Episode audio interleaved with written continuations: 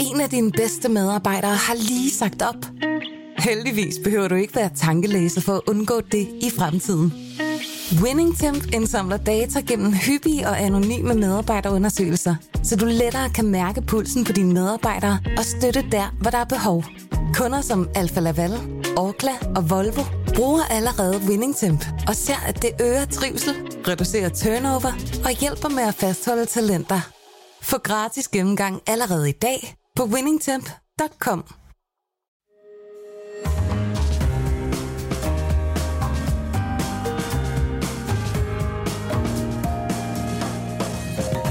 Du lytter til Kampagnesporet, en podcast fra Berlingske. Ja, Mads, du er jo i USA lige nu, og så spørger jeg dig om noget, der ikke har noget at gøre med det, du er i USA for, som er et NATO-møde, men om fodbold, altså europæisk fodbold. Har du lagt mærke til, at det fylder noget i medierne, efter du er kommet over? Nej, det fylder ingenting overhovedet. Intet? Intet.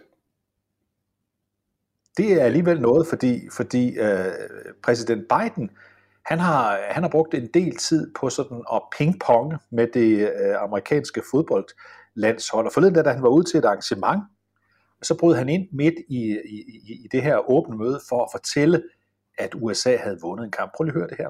USA, USA, that's a big game, man. When I spoke to the coach and the players, I said, "You can do this." They went, "Ah, oh, they're gonna." They did it.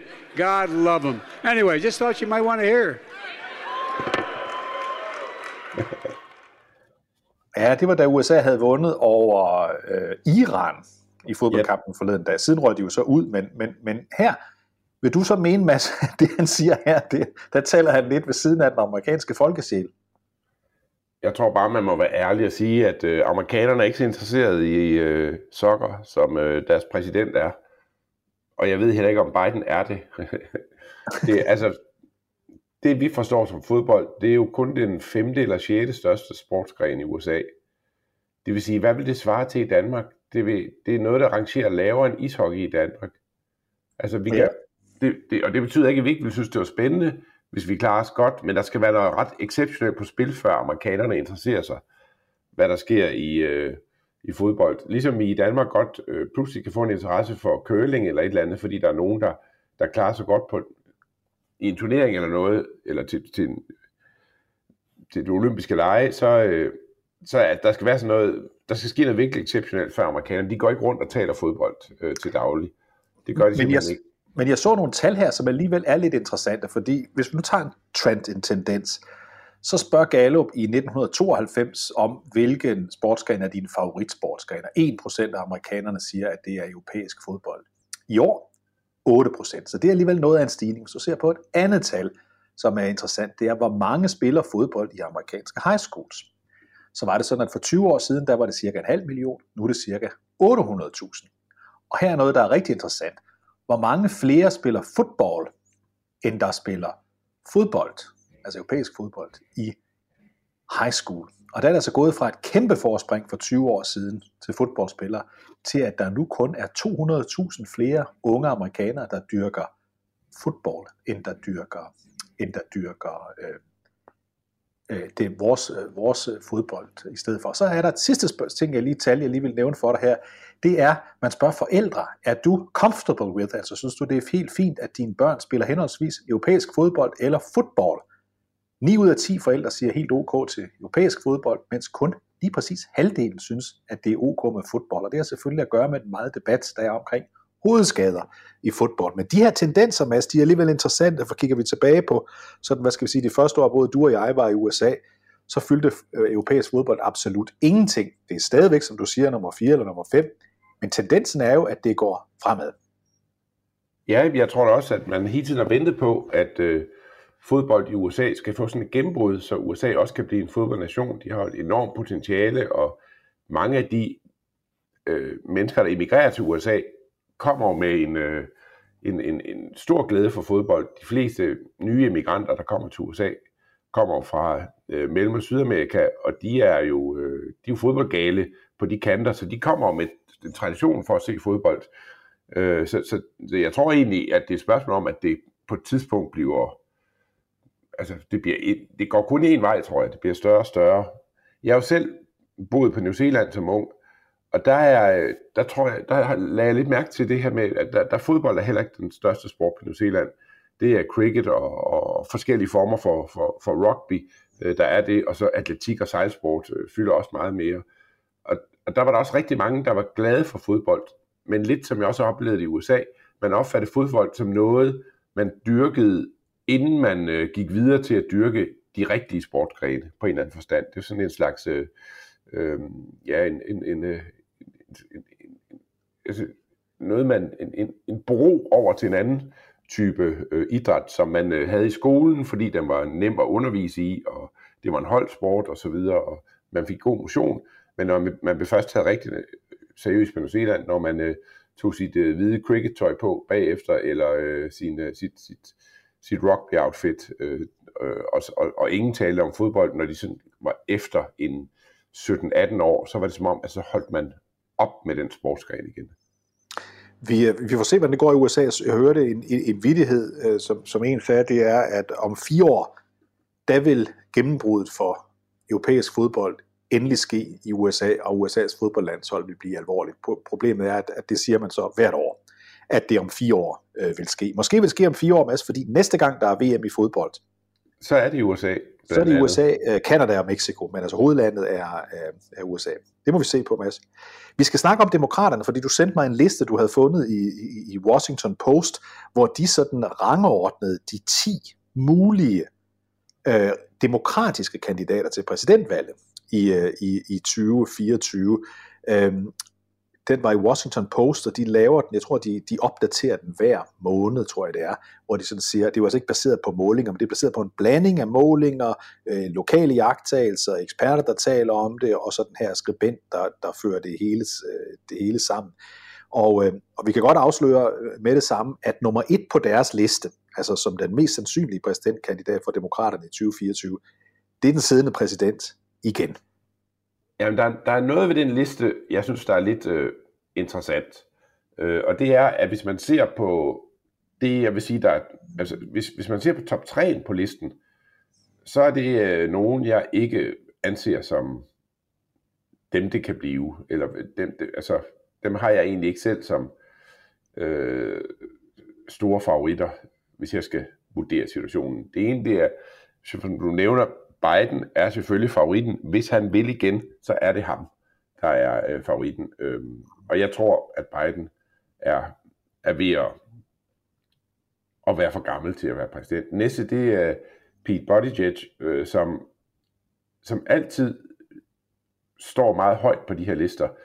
Jeg synes, det er underligt, fordi jeg synes ikke, der er øh, ret mange amerikanere, der taler om ham. Jeg synes ikke, han er meget synlig, og jeg fornemmer ham ikke som en, der bærer nogen politisk dagsorden øh, i USA. Og den tredje, det er Kamala Harris. Og Kamala Harris er øh, selvfølgelig vicepræsident, men jeg tror, alle kan se, at det har været svært for hende at være vicepræsident, og hun er ikke rigtig trådt ud af skyggen. Så det er, det er længere nede på listen. Og jeg mener faktisk først, at listen begynder at blive sådan øh, seriøst, når vi når ned på til, til nummer 6 og 8 og, og, og, og, og ned efter. Øh, men, men den siger måske også meget om sådan en liste, at, øh, at det stadigvæk er alt for tidligt at tale om, øh, hvem der skal være demokraternes øh, næste kandidat, fordi Biden skygger øh, for øh, aktiviteterne i det felt, der vil, øh, der vil gøre deres hus og grønne på den, øh, på den bane. Og det vi ved, Mads, det er, at præsidenten, han sagde for nogle uger siden, det har vi talt om her i kampagnesproget, sagde for nogle uger siden, at han vil bruge tiden mellem Thanksgiving, som jo var for er det en uge eller to siden, og så øh, juleferien til i særdeleshed sammen med sin hustru Jill Biden og debattere, om han vil eller ej. Der sagde han ikke noget om, at han straks efter juleferien så ville melde ud, om han ville eller ej. Men, øh, men han var ude at sige, at han vil bruge de uger, der går mellem Thanksgiving og jul, til at, at diskutere det med sin, øh, med sin familie. Og det blev jo tolket både i retningen af, at, at det betyder så, at han ikke vil, eller det betyder, at han vil. Virkeligheden er, at øh, vi ved det ikke endnu, fordi han giver, han giver signaler øh, i flere retninger. Ja, det gør han. Øh, og, og der bliver jo spekuleret rigtig meget i det. Nu er jeg jo i USA nu, og selvom vi er i, øh, i, øh, i sådan noget NATO-regi, det vil sige, at jeg, jeg møder egentlig mest de europæiske delegationer øh, og taler med dem, og det her NATO møde, vi er i gang med herovre i det, der hedder NATO's parlamentariske forsamling, det er meget præget af, at øh, svenskerne prøver at fylde meget, fordi de er nye øh, i festen, mm. og så overskygger øh, Ukraine. Men sådan i pauserne, når man går hen og snakker med, med amerikanerne, også øh, når vi skal, skal på, skal, er på kongressen, så, så lægger man bare mærke til, at uden at sige det direkte, så er der ingen af hverken demokrater eller republikanere, der opfatter det sådan som meget sandsynligt, at øh, Biden er den næste øhm, øh, præsidentkandidat. De, de, de svarer alt sammen sådan lidt, vi ser demokrater svarer sådan meget øh, øh, undvigende på det, fordi man skal jo nødt citeres for noget her, men, øh, men man kan godt mærke, at, øh, at, at han er ikke, han er ikke, øh, han er ikke det stærke navn, som han var ved, ved sidste valg og tidligere valg, øh, fordi der er den her debat i, bag, i, i baggrunden om, om hans alder. Når du, nu taler om hans alder, så er sagen jo, at han vil være 82 ved præsidentvalget i, i, øh, i 2024. Det har vi talt meget om. På den her liste i Washington Post, øh, der er nummer syv. Han vil være endnu ældre. Det er Bernie Sanders, som vil være et år ældre, altså 83. Og det er alligevel ret tror, fantastisk, også, at de stadigvæk har ham på listen, ikke? Jo, men jeg tror også, at alder handler jo ikke om, hvor gammel man er, Nej. men hvor gammel man virker. Altså, jeg, jeg tror, det er noget, der, der tager til Bernie Sanders fordel, at han jo stadigvæk virker i lige så meget, vi gør, som han har gjort ved de sidste to præsidentvalg. Jeg opfatter ham ikke som svækket af sin alder. I hvert fald ikke noget, jeg bider mærke i. Øh, og derfor er det ikke det store samtaleemne omkring Bernie Sanders, men, men han er jo en polariserende øh, kandidat øh, på andre øh, måder, og derfor kan det godt være, at nogen vil lede efter aldersargumentet den her gang, hvis Bernie Sanders vil køre frem. Det samme med Trump, han er heller ikke nogen ung øh, mand længere, men han virker øh, ikke så gammel, som han rent faktisk er, Donald Trump. Og trods alt kun 78 år ved valget næste gang, øh, Donald Trump. Så, så alligevel Øh, fire år yngre end, end, end Biden, fem år yngre end, end Bernie Sanders. Lad os lige tage de to, du nævnte, Mads, for det er også dem, jeg synes er, er meget interessant at kigge på. Der ligger nummer 6 og nummer 8 på listen. Nummer 6, det er Gavin Newsom, Kaliforniens guvernør, og øh, nummer 8, det er Gretchen Whitmer, øh, Michigans guvernør. Der kan man undre sig over, at i den her måling, nu, altså, jeg ved ikke, hvor meget værdi vi skal give den, men der lå hun nummer 4 sidste gang, det kiggede på det, og nu er hun faldet til 8. pladsen Whitmer, på trods af, at hun jo fik en spektakulær sejr oppe og, i Michigan. Og Newsom er også faldet på listen. Ja, er det ikke mærkeligt? Altså, det er jo, det er jo to, man skulle synes var blevet styrket af nogle lister, sådan nogle lister er jo åndssvage, men altså, der er ingen tvivl om, at Newsom er et interessant navn, og han er også blevet spurgt øh, om sine, sine ambitioner i, mm-hmm. i den retning, og som, altså, han har lidt det problem, at øh, han, er, han er guvernør i Kalifornien, og det er jo en god base at have. Det er rigtig mange øh, primærvalgstemmer, og det er selvfølgelig også rigtig mange valgmandsstemmer til et valg, men det er øh, valgmændene er sikre for demokraterne. Uh-huh. Øh, og der er, er Whitmer måske mere interessant, fordi hun jo trods alt øh, repræsenterer en stat, der godt øh, kan øh, stemme republikansk, hvis, øh, hvis, hvis det skal være. Men Newsom blev spurgt, om han ville øh, stille op i direkte konfrontation med Biden. Altså hvis Biden siger, at jeg stiller op igen, vil han så udfordre ham. Og der sagde Newsom, at det kunne han ikke finde på. Nej. Og Whitmer, hun har sagt, da hun blev spurgt af en lokal, altså Michigan øh, radiostation, øh, eller tv-station rettere sagt, øh, vil, du stille, vil du stille op i 2024? Der lød svaret, I'm not going to run for president in 2024, period, altså punktum. Øh, det er jo det, man kalder et, et, et meget klar afvisning, men folk vil nok tilgive hende, ligesom de vil tilgive Newsom hvis, de, øh, hvis hun øh, ender med at stille op. Det, som jeg synes, der er så interessant med Whitmer, det er dels, at hun jo er i Michigan, som har tippet frem og tilbage ved de seneste tre valg til præsidentposten i USA. Hun vandt en meget klar sejr i sin direkte konfrontation med en Trump-støttet udfordrer til guvernørposten, men ud over det, så øh, vandt øh, demokraterne for første gang i, i meget lang tid øh, øh flertal i, øh, altså i alle de øh, andre, det vil sige i valget til, til Attorney General, til Secretary of State, øh, til flertal i det, i det lokale øh, delstatsparlament. Så, så hun leverede en en, en, en rigtig stærk sejr til demokraterne i Michigan. Lige præcis, og jeg, man skal jo huske, at øh, når, man, når man er i en anden valgkamp, så gider vælgerne ikke at høre på, at man i virkeligheden vil vælge til noget helt tredje, end det man står i. Så, så hun skal jo svare det, hun svarer. Øh, men der er altså sådan en eller anden form for centrifugalkraft i, øh, i politik, som sætter ind, når først øh, øh et præsidentvalg nærmer sig, så, så vivlet stærke nær, øh, øh, alle, alle sådan kandidater bliver vivlet ind mod et centrum på en eller anden øh, façon. Jeg ved ikke, om lige det det, om centrifugalkraft er et rigtigt øh, udtryk for det, men det er bare sådan et, et, et det er bare sådan en, en effekt, der kommer, at når først det sætter i gang, så, øh, så bliver alle, der er mulige kandidater, og man er jo helt skør, hvis man ikke ser hende som en meget, meget mulig kandidat, lige præcis af de grunde, du fortæller, David.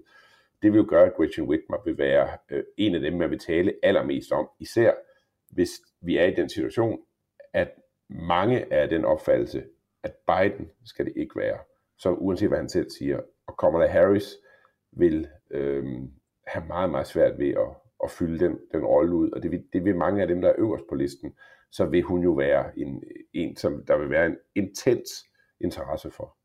Inden vi lige stiller fokus over på, på republikanernes side, så lad os lige huske på, at der ved du, hvad, ved, du, ja. ved, du, ved du, hvad øh, både Newsom og Whitmer øh, har til fælles? Det er, øh, nej. det, det er, at de begge to repræsenterer stater i USA, hvor det er ulovligt at eje en kænguru. Det var jeg ikke klar over, men det, men det, det er det øh, begge de stater. Og der er faktisk, øh, og så er der nogle stater, hvor man godt må eje en øh, kænguru i USA, hvis man, altså har en, hvis man får en tilladelse til det. Men det må man ikke i Kalifornien eksempelvis. Der er, det, der er ikke nogen tilladelse at hente. Så skal man helt til, til Nevada, hvis man vil have det. Og så er der nogle enkelte stater i USA, hvor man må, øh, hvor man må eje en kænguru, også uden tilladelse. Man behøver ikke at spørge, hvis man kan skaffe en kænguru, så har du bare en kænguru. Og det er der kun tre af i USA, altså de sande frihedsstater i USA. Ved du, hvad det er for nogle stater? De sande frihedsstater. Texas? Texas, der, skal, der må du eje en kænguru, men du skal have en tilladelse. Vermont? Nej, Vermont, der er, det, er, det er jo Nej, slet ikke. Det er det Nej. ulovligt. De vil ikke se kænguruer på de kanter. Idaho, det er mit sidste bud så. det er Wisconsin. Okay. West, West Virginia og South Carolina, der, er, der har de en meget, meget, øh, skal vi sige, lempelig kængurupolitik. Det er det, jeg kalder en meget specifik viden, du der har samlet op. Ja, men det, jeg synes, jeg vil dele den med dig. Jamen, det, det var jeg også glad for. For det vil sige, Wisconsin, Uh, South Carolina og West Virginia, det er stederne, hvis man, hvis man bare helt frit bare har lyst til at have, en kænguru. Så kan man bare køre ned og købe en i det nærmeste kænguru-center. Vi har jo talt, nej, vi skal, vi skal, vi skal lige forbi det der valg øh, øh, tirsdag i denne uge, fordi vi, vi, vi har jo længe talt om, om opfølgningen på, på, på øh, midtvejsvalget i november måned, og nu i morgen, der afgør de så, altså i morgen tirsdag, der afgør de så i, øh, i, i, i Georgia den sidste udstående Øh, Øh, senatsplads. Det blev, det blev øh, omvalgt, fordi man skal have 50 procent. Der var tre kandidater, ingen fik 50 procent. Warnock, den siddende øh, demokratiske, demokratiske senat, som var meget, meget tæt på, men det var i virkeligheden også Walker, hans øh, republikanske udfordrer, de var, var meget tæt på at ramme 50 procent begge to. Lidt flere til, til Warnock end til Walker, og derfor så er der valg, øh, omvalg, om jeg så må sige, øh, tirsdag, og målingerne tyder sådan på, at Warnock kan genvinder sit mandat, men det er kun sådan nogle 3% point i de fleste målinger, øh, han, øh, han fører med, så det er jo ikke helt til at vide, hvor den, øh, hvor den lander hen. Nej, det er det ikke. Øh, det ser meget ud til stadigvæk at være meget tæt, og jeg tror, at republikanerne håber stadigvæk, at, at øh, Herschel Walker kan, kan overraske, men de seneste målinger har nu vist, at, at, at Warnock, han, øh, han, øh, han er favorit i målingerne. Det ser ud som om, han har fået øh, medvind her øh, i, i, i sidste runde, i, i den her ekstra runde, der, der, der er kommet. Og, og, og jeg synes også, den måde, man taler om, om Herschel Walker på, er mere og mere negativ. Øh, man, man fokuserer mere og mere på, på hans svagheder, end på det han, det, han vil. Og det er aldrig godt for en, for en kandidat, øh, når det er det, der er situationen. Det, det gør man selvfølgelig også med, med Warnock og forsøger at, at tale ham som elendig kandidat hos republikanerne, men det er som om, man har haft mere held med det fra demokratisk side, når det handler om øh, den måde, man taler om, om øh, Herschel Walker på. Så jeg vil være overrasket, hvis ikke øh, Warnock han, øh, han genvinder øh, det sæde. Men det havde jeg ikke sagt for bare 3-4 år siden. Der ville jeg have tænkt det som meget, meget utænkeligt, at en demokrat øh, skulle, øh, øh, skulle vinde i, i Georgia. Så det er, det er en, en stat, som øh, i den grad er ved at, øh, at, at, at ændre sig. Politisk. Samtidig med, ja, fordi hvis, hvis han vinder øh, tirsdag, så, så har Georgia to demokratiske senatorer, men der hvor vi kan sige, at det stadigvæk er spændende, det er. det er jo et spændende stat, fordi det er jo samtidig en stat, hvor, hvor, hvor republikanerne meget sikkert vandt Jamen det, svarer til, det svarer til, at Christiania vælger en borgmester og viceborgmester fra Venstre. Altså det er jo ja. sådan helt skørt. Men, øh, men, men det, her, det siger noget om, hvad der skete i Georgia. Nu da vi er ved noget, der er skørt, Mads, så for ikke, vil jeg jo synes, så for ikke så lang tid siden, øh, der fik øh, Donald Trump besøg nede i Mar-a-Lago af, af, af Kanye West, som vi er enige om nu hedder bare Ye eller et eller andet den stil, men altså ham mange vil genkende som Kanye West, og Kanye West, han slæber angiveligt en anden gæst med derind, som Trump ifølge sig selv i hvert fald ikke var klar over var med, nemlig Nick øh, Fuentes. Det er to, øh, hvad skal vi sige, der er vi ude i, i kanten af det amerikanske samfund. Øh, øh, Kanye West, det er en ting, Nick Fuentes er en anden ting, vi skal tale om dem begge to, men vi kan roligt sige, det er ikke sådan sædvanlige gæster, som en øh, ekspræsident, der gerne vil være præsident igen, han øh, har på besøg øh, til en middag. Og det er også lidt usædvanligt, at den ene, nemlig Nick Fuentes, angiveligt sådan er sluppet igennem, uden der har været nogen som helst vetting, som man siger i Amerika, altså nogen, der har kontrolleret, hvem i alverden er den mand, der kommer ind og sidder øh, og spiser middag med ekspræsidenten og en, der gerne vil være præsident igen. Altså de to er jo øh, kontroversielle af samme grund, og det er den det er deres antisemitisme, som er øh, som, som de deler, og det er nok derfor, at øh, øh, Kanye har taget Nick Fuentes med. Nick Fuentes øh, er holocaust-benægter. Det vidste vi ikke, da, da det møde her bliver holdt. Der var man ikke klar over, om Kanye West også var holocaust-benægter. Det har vi så senere fundet ud af, at det er han også. Men ikke, øh, ikke, bare, ikke, ikke bare er han holocaust-fornægter, han er også faktisk en tilhænger af Hitler. Lad os lige prøve at høre et interessant klip her, fordi det er ingen ringere end Alex Jones, som jo ellers er gået konkurs, og jeg ved ikke hvad bedømt Jamen det her, det var dagen før han gik konkurs. Ja, på, på, på røv og albuer, som man siger. Øh, han har Kanye West ind, og der sker der faktisk det, at Alex Jones, I kan høre det i klippet her, sådan faktisk forsøger at hjælpe Kanye West lidt på vej til at forlade det her øh, synspunkt, han er kommet frem med antisemitisk op og, og en sympati for Hitler. Lad os lige høre klippet. I don't think Hitler was a good guy. I get the uh, the Hugo Boss uniforms amazing. Uh, but I mean, just because you're in love with the design, you're a designer. Can we just kind of say like you like the you like the uniforms, but that's about no, it? No, we we no. I, there, there's a lot of things that I love about Hitler. A lot of things. Ja, Mads, det, det er jo det, man normalt siger. Det er, det er ikke et klogt udsagn. Ja. Det er et kedeligt udsagn, ikke? Det er et rigtig kedeligt udsagn. Det er rigtig kedeligt.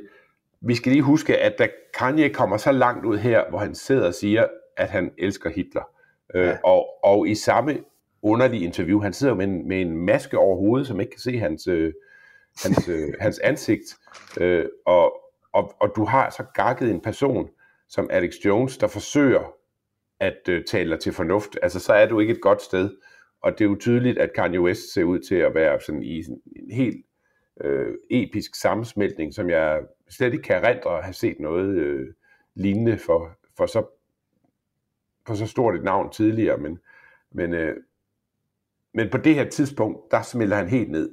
Trump møder ham før, han er smeltet så meget ned, men da Trump møder ham, er Kanye stadigvæk en, der er fuldstændig øh, radioaktiv. Altså han har sagt om jøder, øh, at de styrer alt i USA, og sådan helt traditionelle antisemitiske øh, betragtninger har han luftet. Han har ikke, og selvom han ikke har sagt det her med Hitler endnu, det, det, det er jo mere sådan en icing on the, on the cake. Øh, så, så burde man jo ikke på nogen som helst møde, måde mødes med, med den her mand, hvis man, og, øh, og det sidekick han så har taget med sig, hvis man gerne vil være præsident i USA. Det burde være fuldstændig diskvalificerende at gøre det. Og, og lad os lige vente med at diskvalificere ham og være sikker på, at han er ude af billedet. Det er altid en uklog ting at gøre, det ved jeg, du heller ikke mener. Men lad os lige høre lidt om, hvem Nick Fuentes er. Her er der et klip fra The Rachel Maddow Show, og jeg skal alle, der måtte have glemt det. Husk Hun er på, ret Rachel. Maddow, hun, hun er meget venstreorienteret, så hun er ikke ude på at promovere ham. Men der er først et, et klip med noget af det, som Fuentes selv siger, så samler hun op på det til sidst. abortion's popular, sodomy's popular, you know, being gay is popular, being a feminist is popular, sex out of wedlock is popular, contraceptives are that's all popular. That's all that's not to say it's good. That's not to say I like that. Popular means the people support it, which they do. And uh and it sucks and it is what it is, but that's why we need uh, dictatorship. that's unironically why we need to get rid of all that. We need to take control of the media or take control of the government and force the people to believe what we believe. That's why we need a dictatorship. Force people to believe what we believe. We need a dictatorship, unironically. Ja, det er aldrig helt nemt at vide. Jeg har faktisk brugt en del tid på at høre på, på Nick Fuentes på hans egen YouTube-kanal gennem tiderne. Det er sådan lidt ligesom Trump. Man er aldrig helt klar over, om han virkelig mener, at det er en god idé, der kommer et diktatur, eller om han griner, mens han siger det, om han sådan kan lægge lidt afstand til det. Men vi kan i hvert fald roligt sige, Mads, han er også toxic, som man siger. Han er ikke en normale politikere vil komme i nærheden af. Nej, ham skal man, ham skal man holde sig på stor, stor øh, afstand af. Øh, der er, øh, altså, han har helt klart antisemitiske synspunkter, og han benægter holocaust, øh, i hvert fald i den udgave, vi historikere anerkender holocaust for at være. Øh, han har, øh, øh, altså, han, han, han, han, har, han har holdt en tale, hvor han har øh, øh, rost øh, Hitler, øh, og, øh, og han er, han er meget sympatisk over for, for Putin og så videre. Mildest talt, ja. ja.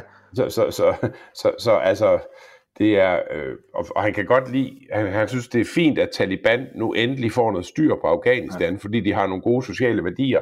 Så, ja. så, så øh, man, skal ikke, man skal ikke lytte meget til Fuentes for at forstå, at selvom der er noget af det her, som jeg lige har nævnt nu, der måske er sagt med et, et, et, et skørt glimt i øjnene, eller hvad man skal kalde det, så er der så meget, der er sagt, at, øh, at det er jo, altså, hvis han sidder inde på dit kontor eller til en middagssamtale, så skal du bare gå den modsatte vej, altså lige på stedet.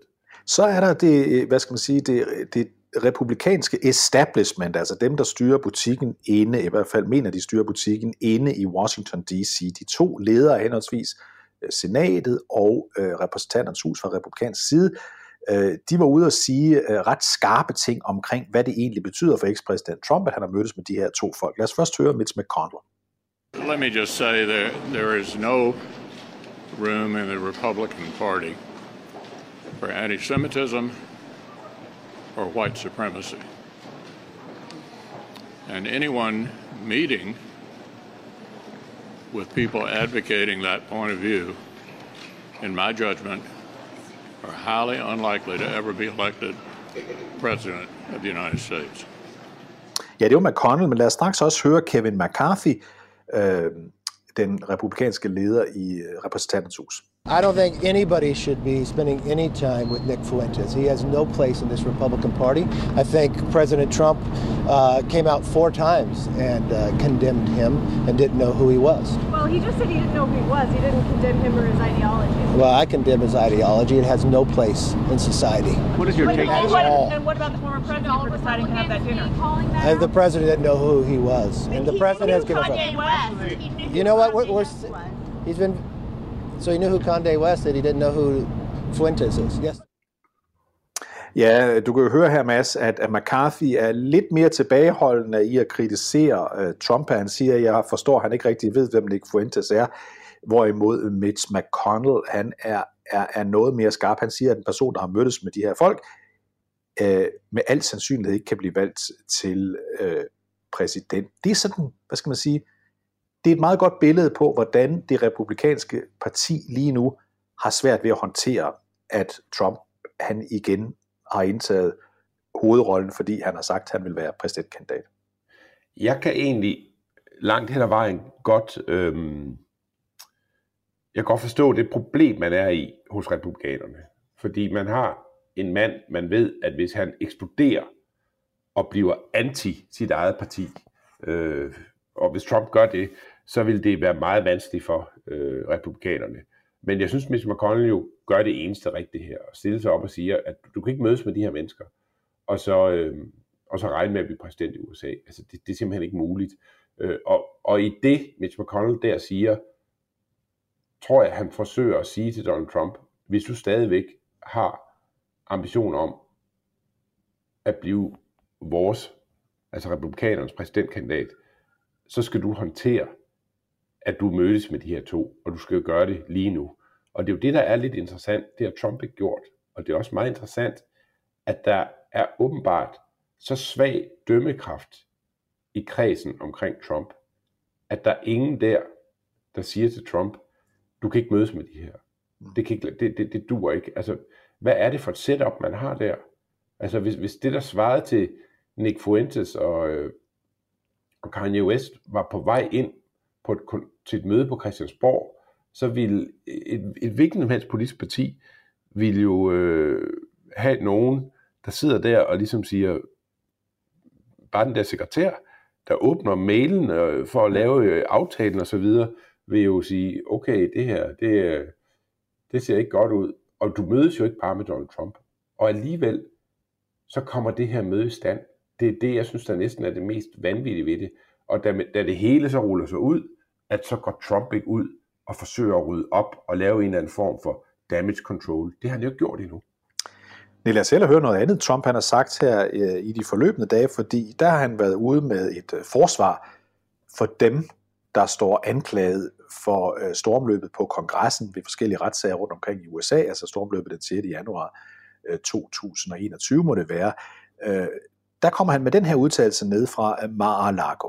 Unconstitutionally, in my opinion, and very, very unfairly, and we're going to get to the bottom of it.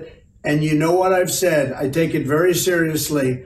I have never seen anything like it at all levels. It's the weaponization of the Department of Justice, and we can't let this happen in our country because our country is going not socialist. They've skipped over that. They skipped over socialism. Our country is going communist. This is what happens, and we can't let it happen. We have to stop it. So I want to thank everybody for working so hard. I know how hard you're working to get justice for people that are imprisoned right now and people that are being tormented. We can't let it happen. We're going to stop it. We're going to win. Thank you all very much. Ja, men altså, det er altså sådan en tillidserklæring, en sympatierklæring, et forsvar for de mennesker, der allerede nu er begyndt at blive dømt for, øh, for, for, for, for stormløbet på kongressen, men der er også andre, der er tilbageholdt, der er sigtet og tiltalt og alt det der, men som endnu ikke er kommet til sagen.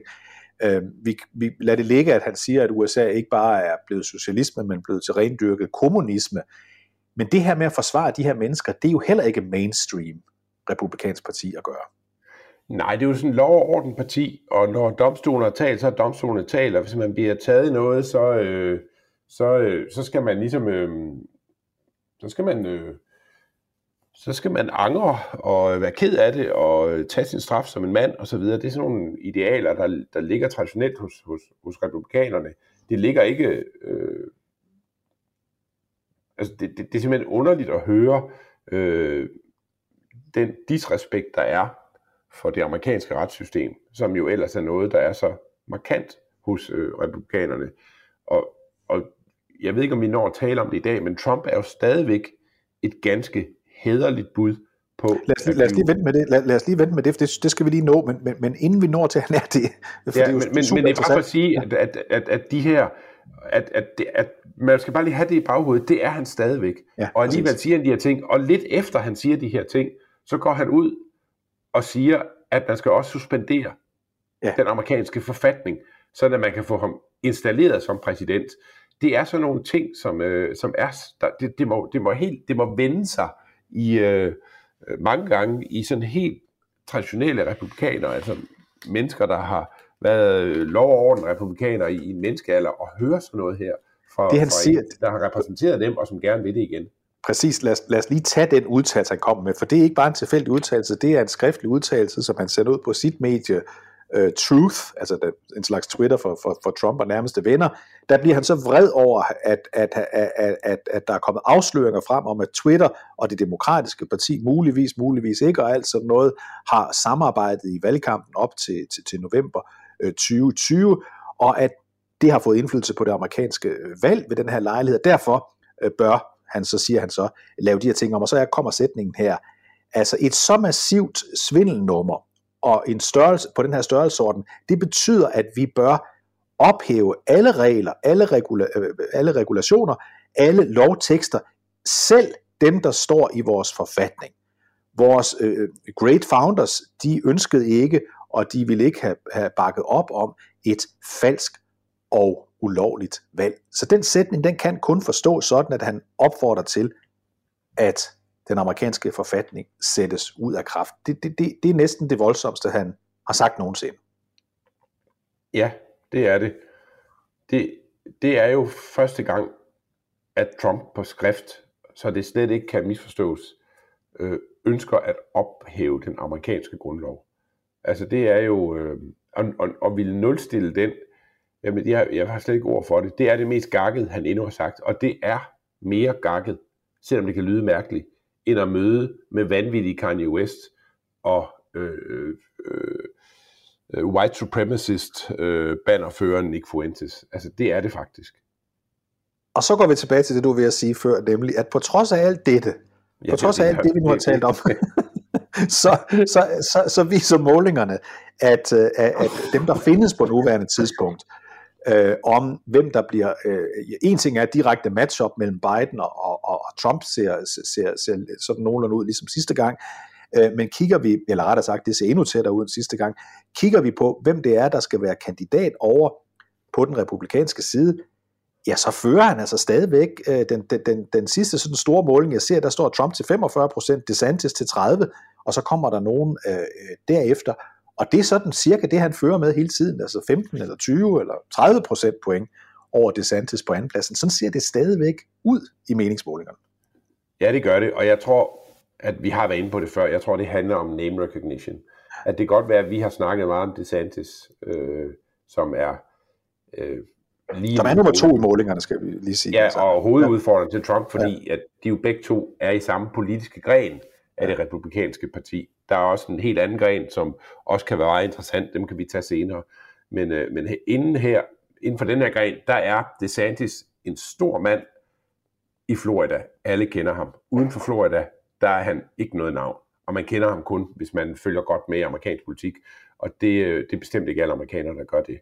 Så, øh, så, så, ja, så jeg tror også, at de her målinger afspejler, at DeSantis er ikke begyndt at blive rullet ud som et nationalt navn øh, endnu i, i USA. Og så tager man det i mente, så, så står han faktisk overraskende højt øh, øh, i målingerne. Dem, der ellers begynder at melde sig, Mads, som bliver ikke sådan direkte sagt de kandidater nu, men altså Mike Pence, han, han øh, koketterer han er, med det. Ja, han er, han er kandidat, det er der ingen tvivl om. At han er ved at undersøge det, mm-hmm. øh, og, og har givet det ene interview efter det andet, hvor han forsøger sådan at øh, kappe de sværeste bånd, han har til Trump sådan at han kan ryge over. Der er jo to fløje, hvis vi skal gøre det sådan meget nemt. Det er i virkeligheden er det mere kompliceret. Men hvis vi gør det meget nemt og, og, og sådan øh, skærer det lidt groft til, så er der to fløje. Der er en megafløj hos republikanerne, øh, som er den fløj, som Trump skabte i 2015, og som gav ham valgsejren. Og så er der det traditionelle parti, der på en eller anden måde blev overtaget af den her mega-bevægelse, som Trump skabte de to fløjes øh, interne magtkamp er der meget, der tyder på, at øh, den er øh, nu meget mere 50-50, end vi regner med. Det kan vi se på midtvejsvalgene. Og vi kan se, at faktisk at, at den traditionelle fløj har de haft mere succes med at få deres kandidater valgt øh, til, til midtvejsvalgene. Så, så MAGA-fløjen er ikke så stærk, som den har været, men man vil selvfølgelig gerne bevare hele den vælgergruppe, øh, som, som Trump fik øh, aktiveret øh, øh, i sin tid. Det er noget, der, der er meget, meget vigtigt. Og derfor er Trumps største udfordring, det er ikke så meget den traditionelle fløj og, og, og Pence og så videre, hvem der må, må dukke op derude. Han skal, han skal kvæs til før han kan komme videre. Så på den anden fløj foregår der jo så et kapløb, som foregår i ro og mag, hvor de her traditionelle kandidater forsøger at, øh, at at få sig placeret øh, rigtigt i det politiske landskab. Og Mark Pence, altså Pence har det store problem, at han er, han er jo Trumps tidligere vicepræsident, øh, og selvom han øh, nu ikke er populær hos Trump længere, så er der stadig mange vælgere, der forbinder ham for meget med Trump. Så han giver sådan en række interviews, hvor han går den her meget svære balancegang mellem at sige, hør her, jeg er en af jeres, øh, selvom jeg var sammen med Trump, så øh, forsøgte jeg sådan at være fornuftens stemme. Øh, jeg ved godt, at, øh, at øh, nogle af jer tror, at jeg er mere Trump end jeg er, men det var jeg slet ikke, og så videre. Og det er, det er ikke nemt, fordi hvorfor var han der så? Det er jo det, der jo ligesom er, er det helt grundlæggende spørgsmål. Men det er den øvelse, han er i gang med. Så må vi se, om han lykkes med det. Lad os bare lige tage en mere, der har, der har øh, øh, vendt, op for, øh, vendt, vendt tilbage fra dvalen her i, i den forløbende uges tid. Det er nemlig Nikki Haley, øh, som var øh, øh, ret populær guvernør i, i South Carolina, som bliver udpeget til Trumps øh, FN og hvor, man, og hvor man kan uden tilladelse have en kænguru. Det er rigtigt. Det kan være, at det er en politik, hun står bag faktisk, var sin tid som... Øh, det kan sagtens være. Hun, hun er et, et frihedssøgende menneske, og hun havde den, den særlige situation, at hun som en af få, da hun trådte tilbage som FN-ambassadør, som vi skal huske på, er en, øh, var under Trump, og ofte er det, en, en ministerposition, position, altså det er sin regeringsposition i USA. Da hun trådte tilbage, øh, der, var jo, øh, der blev hun faktisk ikke skældt ud eller hånet af, af Trump. Hun har også hidtil sagt, at hun ikke vil stille op imod ham, men i den seneste uge, der lyder det som om, at det kan nu godt være, at hun vil stille op alligevel. Så hun er også et interessant emne, vel sagtens over på den fløj, der ikke er Trump-DeSantis-fløjen. Altså, hun vil gerne spille på begge heste. Hun har altid været populær blandt de her øh, populister, som er mange øh, af dem, der udgør sådan store dele af, af MAGA-fløjen. Men den traditionelle fløj har altid også godt kunne lide hende. Så, så hun, hun forsøger sådan at trække øh, i begge retninger. Jeg tror, at hun skal passe meget på ikke at komme ind i en, øh, en konf- i, i, i, i sådan en trekantsdrama med øh, DeSantis og, og, og, og Trump og hende øh, om gunsten på, på MAGA-fløjen, for det vil trække hende ud et sted, hvor jeg tror, at, øh, at, at hun også kan miste mange stemmer øh, internt i partiet. Mads, vi glæder os til, at du kommer hjem fra Washington D.C. i næste uge, fordi så, så skal vi ind på, hvad du har opsnappet. Øh, du er lige kommet i går øh, til USA, men hvad du opsnapper ja, det, af interessante ting i de kommende dage. det er meget, meget spændende. Det, er, det, er jo, det er jo, handler jo især meget, som jeg nævnte tidligere, om, om Ukraine, og noget af det, der er, som jeg allerede nu kan sige fra sådan helt begyndelsen mm-hmm. øh, på hele det her, det er jo, at, og det kan jeg godt røbe, uden at jeg røber noget, jeg ikke må, må sige, men vi skal ikke ret langt tilbage, når vi mødtes i NATO's parlamentariske forsamling, så kunne man mærke, hvor dyb uenigheden var, især på Ruslands spørgsmålet. Øh, og nok også på spørgsmålet om USA's rolle i NATO. Øh, og, og den uenighed, nu er uenigheden meget, meget mindre, øh, end den har været tidligere, og det skyldes Putin øh, og, og Ukraine. Men det kan vi jo det kan vi gøre mere ud af, øh, når, vi, når vi optager næste udsendelse. Det synes jeg, vi skal gøre i næste uge, og, og, og Mads øh, Fugled og jeg, David Træs og, og Peter ude i producerrummet. Øh, vi siger tusind tak for den gang, og vi er tilbage inden I ved af det. Tak for den gang.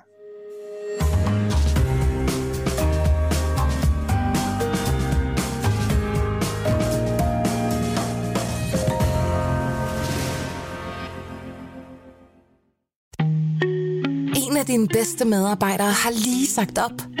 Heldigvis behøver du ikke være tankelæser for at undgå det i fremtiden. WinningTemp indsamler data gennem hyppige og anonyme medarbejderundersøgelser, så du lettere kan mærke pulsen på dine medarbejdere og støtte der, hvor der er behov. Kunder som Alfa Laval, Orkla og Volvo bruger allerede WinningTemp og ser, at det øger trivsel, reducerer turnover og hjælper med at fastholde talenter. Få gratis gennemgang allerede i dag på winningtemp.com.